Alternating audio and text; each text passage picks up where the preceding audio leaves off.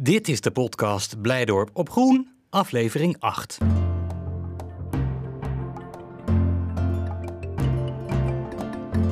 Zo'n maand of vier geleden alweer verscheen de eerste aflevering van deze podcast online. Op een zonnige en warme novemberdag stonden Laurens Jan Nederlof en ik, Rogier van der Zanden, in een park met alleen maar dieren en bijna geen mensen vanwege de tweede lockdown. En we begonnen toen bij de voormalige Wolvenvallei. De wolven waren daar al een tijdje weg en wat er overbleef was een stukje wildernis waar de natuur volledig zijn gang kon gaan. Dus we hebben besloten om die Wolvenvallei om te toveren of om te zetten naar een uh, ja, bijenvallei. En in die bijenvallei proberen we dan de relatie uit te leggen tussen bijen, maar ook allerlei andere insecten, de wilde bestuivers van allerlei soorten planten, de wilde planten zelf, hun relatie met de bodem, hun relatie met, ja, dat noem je eigenlijk ecologie, het, het, de, de, relatie tussen organismen onderling. En uh, we denken ook dat uh, de, de bijenvallei gaat bijdragen ook aan ja, natuur in de stad, want dat is ook wel een beetje booming. Ja. Heel veel mensen zijn ermee bezig om natuur terug in de stad te brengen. Dus rondom je heen uh, gebeurt er behoorlijk wat. En om aandacht te, te besteden aan biodiversiteit, proberen we dus de wolvenvlei in die bijenvlei te veranderen. En de mensen erop te wijzen van welke natuur er allemaal zo voorkomt in en om de stad. Heel veel soorten zullen uh, uh, gaan groeien. Het worden ook hoor. Ja, ja, oh, ze gaan, dus nu we gaan weer beginnen hè, met, uh, om, om, ja. om het weer een beetje beter te maken en toegankelijk. Ze hadden even koffiepauze. Dat was in november dus. Inmiddels is het... In, is, jongens, niet zo zoomen hier. Inmiddels is het begin april en volop voorjaar. In die bijenvallei begint al echt iets te worden. Het moet een stukje natuur worden waar wilde bijen zich thuis gaan voelen. Ik heb afgesproken met Jan Pentinga, die voor Diergaarde Blijdorp dit project op zich heeft genomen. Uh, ja, we zijn hier vorig jaar uh, mee begonnen uh, met de vraag van, nou, er stonden hier natuurlijk allemaal ook bijenkasten met ja. de, de, honingbij. Mm -hmm. en toen waren de wolven al weg, toch? Toen waren de wolven al weg. Ja. Voorheen liep het nog even heel even, ik denk in 2019. Manenwolf. Een manenwolf. Ja. En, ja die is naar een andere dierentuin toegegaan. En toen was het eigenlijk gewoon een leeg stuk, een stukje terrein. Ja. Braakliggend gebied. Er zijn volgens mij wel plannen om op de hele lange termijn daar weer iets te gaan doen. Volgens mij moest hier toch een nieuw uh, gorilla-eiland komen, ooit. Dat zou wel een uh, idee zijn, of dat, die, dat idee ligt er wel. Ja. Maar dat, dat is natuurlijk nog even in afwachting ja. hoe dat verder ontwikkelt. Ja. Dus tot die tijd kon jij daar iets heel moois mee doen? Ja, nou ja, ja zeker. Er was echt wel een, ja, hoe moet je zeggen, dat... Dat lag wel een open kans om daar uh, iets moois van te maken in een bestaande omgeving. Mm-hmm. En dat is denk ik ook wel een interessant uitgangspunt. Uh, ik ken misschien wel de Tiny Forest concepten, waar dan een klein bos wordt gemaakt. Ja. Maar hier hadden we eigenlijk al een ja. klein bos. En vanuit dat kleine bos er weer een, een nieuw bos uh, proberen na te bootsen. Ja. En wat dan heel erg ingaat op de inheemse ja, bostypen hier in die, die zaad, dit, dit, was gebouwd voor Europese wolven, dus het is ook echt een, een Europees biotoop. Ja. Een stukje mini-bos hier. Ja, klopt. En dat hebben we eigenlijk uh, zo, zoveel mogelijk in eer uh, proberen te laten, omdat mensen ook ja, toch dit erkennen in Blijdorp. Mm -hmm. Maar ook om uh, dit ecologisch gezien, zeg maar, dingen aan toe te voegen, maar niet alles weg te halen. Dat je dat toch ook wel te maken hebt met inheemse fauna. Ja. dieren die hier naartoe gaan, om die toch nog een plek te kunnen geven binnen Blijdorp. Ja, het was, het was de eerste gedachte van, nou, weet je, als bijenvallei kan je ingaan op de ja, bedreigde bijensoorten. Ja. En um, hoe, hoe kan je dat nog verder gaan koppelen aan de biodiversiteit? En dan, ik zie je eigenlijk als bij, zie je het als thema die een grote draagvlak heeft voor, de, voor, de, ja, voor het uitsterven van de, de biodiversiteit in stedelijk, in stedelijk gebied. Ja. ja, heel erg dicht bij de mensen eigenlijk, hè? Ja. Dit onderwerp. Ja.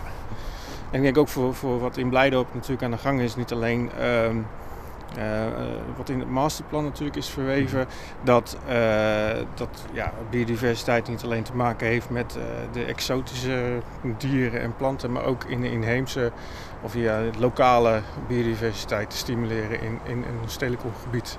Wat, wat is het uiteindelijk voor, ja, voor, voor plek geworden?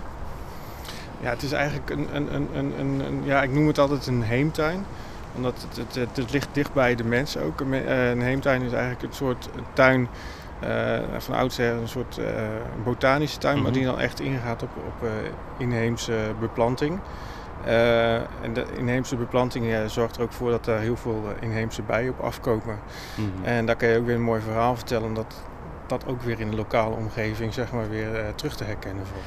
Maar is het zo dat als je het goed inricht, die wilde bijen er dan vanzelf op afkomen? Of moet je daar iets voor doen om dat voor elkaar te krijgen? Uh, daar moet je wel wat voor doen. Want uh, bijen hebben een, een, ja, hoe noemen we dat? Een, een vliegafstand van 500 meter. Die mm -hmm. moeten binnen die 500 meter moeten ze ook weer voeding krijgen. Ja. Als ze dat niet krijgen, dan, ja, dan worden ze uitgeput en dan dan komen ze eigenlijk niet in een bepaald gebied. Dus mm -hmm. dat moet je eigenlijk een soort van zien dat, dat, dat je eigenlijk een bijenlint in de omgeving moet hebben die verbinding maakt met andere gebieden binnen Blijdorp, maar ook daarbuiten.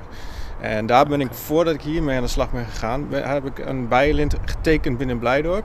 Ja. Want we hebben natuurlijk heel veel gebied waar we eigenlijk ja, in eerste instantie, uh, uh, ja, ik noem het achter de schermen gebieden, waar, waar wel wat mee gedaan wordt, maar niet indirect uh, iets met de thema's van de, onze ja, biotopen, hoe noem je dat, uh, continentenverhaal uh, hoeft te zitten. Mm -hmm. En daar kan je weer heel erg sturen op, op, ja, op, op gewoon lokale ja, groenstroken. En wat dan ja. weer interessant is voor een wilde bij. Als mensen hier straks in de zomer staan te kijken met, met kinderen of kleinkinderen, ja, wat, wat, wat gaan ze dan zien? Gaan ze dan ook echt die bijen voorbij zien vliegen? Dat, dat hoop ik wel. ik heb wel er echt voor gezorgd om met de bestaande beplanting ook planten aan toegevoegd. Vooral zaden, kruid, kruidige planten waar dan heel veel bloemen op zitten. Uh, we hebben openheid gecreëerd zodat de zonlicht op die gebieden terechtkomt. En dat vinden wilde bijen heel fijn. Want die warmte hebben ze heel erg nodig. Ja. Uh, daarnaast komt er een heel stuk educatie bij. Ja.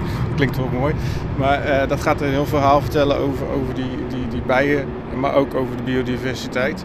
En uh, planten die daarin voorkomen. Het is een, is een, botanisch verhaal die gelinkt wordt aan, aan, aan, aan, uh, ja, aan dieren. Die bijen zijn zo ongelooflijk belangrijk voor de natuur. Wat, waarom zijn ze eigenlijk zo belangrijk? Nou ja, ze zorgen voor, uh, voor heel veel. ja, bijen zorgen natuurlijk voor bestuiving. Mm -hmm. bestuiving van, van bepaalde bomen en plantsoorten. daaronder ook gewoon appels en peren ja. en andere fruitsoorten. Ja, dus en ook voor ons belangrijk. Voor ons belangrijk, maar dat niet alleen, maar ook voor vogels. Want uh, heel veel uh, bessensoorten, of ja, bessenbomen, planten, uh, ik moet het zeggen, die, ehm, ja, hoe zeg je, daar eten vogels ook weer van. Ja. En die worden daar ook door bestoven. Het is, het is niet alleen maar goed voor de mens, maar het is eigenlijk voor heel veel dieren eigenlijk heel goed. Mm -hmm. die zorgen ervoor dat dat, dat, dat, dat ook weer verspreidt. vogels die, die eten natuurlijk die bessen, de, de bijen bestuiven dat weer. Uh, dus het heeft een veel groter doel ja. dan alleen maar uh, voor ons. En, en, dat probeer je natuurlijk mensen mee te geven met de educatie, met, ja. het, met het hele verhaal. Kunnen mensen uiteindelijk ook zelf iets doen om, om, ja, om de bijen te helpen? Nou, wat het uitgangspunt hier was geweest, was om, om een niet te ingewikkeld verhaal te vertellen, mm -hmm. maar ook te kijken van wat groeit er nou in je eigen achtertuin. Mm -hmm. nou, denk aan een paardenbloem of een, een klein geraniumpje, uh, die, die eigenlijk gezien wordt als onkruid. Maar eigenlijk heel belangrijk is voor een voor bijensoort om ja. te kunnen overleven. Ook in je eigen achtertuin. Ja. En als je daar hier dus ziet van, oh, dat is wel interessant en leuk, dat heeft een verhaal. Uh, je kijkt in je eigen achtertuin en dan denk je misschien een tweede keer na of te kijken of het nou wel of niet onkruid is. Dat Juist. is natuurlijk heel vaak de gedachte, het is onkruid, dus het is, het heeft nutteloos. Of het is, nutteloos. Ja, en volgens mij is het ook wel heel fijn als mensen hun uh, tuin niet, vol, niet volgooien met tegels, toch? Ja. Los van het feit dat ik het zelf echt spuuglelijk vind, een tuin vol met tegels. Het is ook echt zo slecht voor de natuur. Het is uh, slecht voor de natuur, het is, het is slecht voor de, voor de afwatering, het is voor heel veel dingen, ja, het is natuurlijk, het is gewoon niet, het is, ja, het is niet functioneel. Nee. Als je kijkt naar, naar uh, het is misschien handig voor je, maar in, op de lange termijn uh, zorgt het voor heel, ja, verschaal je eigenlijk een heel gebied wat eigenlijk best wel veel rijkdom uh, kan bevatten. Denk ja. ook als je gewoon lekker in je achtertuin zit, het is lastig, het is prettiger om onder een boom te zitten ja. dan onder een parasol. Precies. Want een boom die zorgt voor veel meer verkoeling dan een, uh, dan een parasol. En hoe meer groen, ook in je tuin, hoe ja. meer de bijen weer komen natuurlijk. Meer bijen en andere dieren die daar weer gewoon even een, een uitrustplek of nee, kunnen uitrusten of even een plekje kunnen vinden om even uh, te kunnen verblijven. En je moet het zo zien, als je, hoe meer groen, hoe meer bos je eigenlijk binnen een stad of binnen een stedelijk gebied kan, kan krijgen toch even een praktische vraag die veel bezoekers zich zullen stellen. Stel, we staan hier uh, in de zomer te genieten van de bijenvallei. Moeten we dan bang zijn dat we gestoken worden door de bijen? Nee, bijen zijn in principe niet gevaarlijk. Zijn geen wespen, hè? Nee, het zijn geen wespen. Die, bijen zijn toch in het algemeen gewoon bezig met voedsel te zoeken. En als er genoeg voedsel in aanwezig zijn dan, en, en jij komt niet te dicht bij hun nou ja, bijenkorf of nest, mm. dan zal er niet zoveel problemen. En heel veel wilde bijen zijn helemaal niet gevaarlijk voor de, voor de mensen, want ze zijn ja, heel veel bijen, wilde bijen steken eigenlijk niet. Nee. En een, een, bij heeft ook nog de neig, een, een, een honingbij, om het daar even op te, te, te, te halen. Het is eigenlijk een soort huisdier, hè, de honingbij? Ja, ongeveer wel, ja. Maar die heeft, heeft weerhaakjes op zijn angel zitten. Dus die mm. denkt, nou denk niet na, maar dat is, moet echt een acute bedreiging zijn om daar iets aan te doen. En dat is wat anders dan een wesp die gewoon veel meer eerder zou prikken dan een bij. Ja. En wat je goed zegt, de, de, de, de honingbij is een huisbij en daarom is de wilde bij gewoon veel belangrijker om daar meer aandacht aan te besteden. We hebben nu van 350 soorten wilde bijen.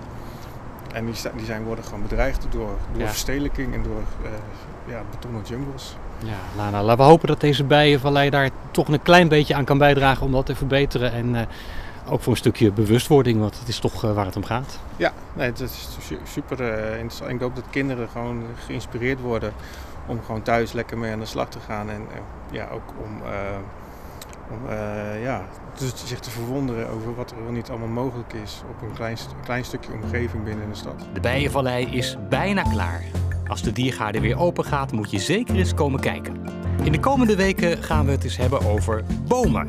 Bomen in alle soorten en maten. Bomen met een geschiedenis, bomen die samenwerken met dieren, het onderhoud van bomen in een park als Blijdorp. Er komt ook heel wat bij kijken. Hopelijk luister je dan weer. Voor nu, hopelijk tot snel in onze Diergaarde Blijdorp.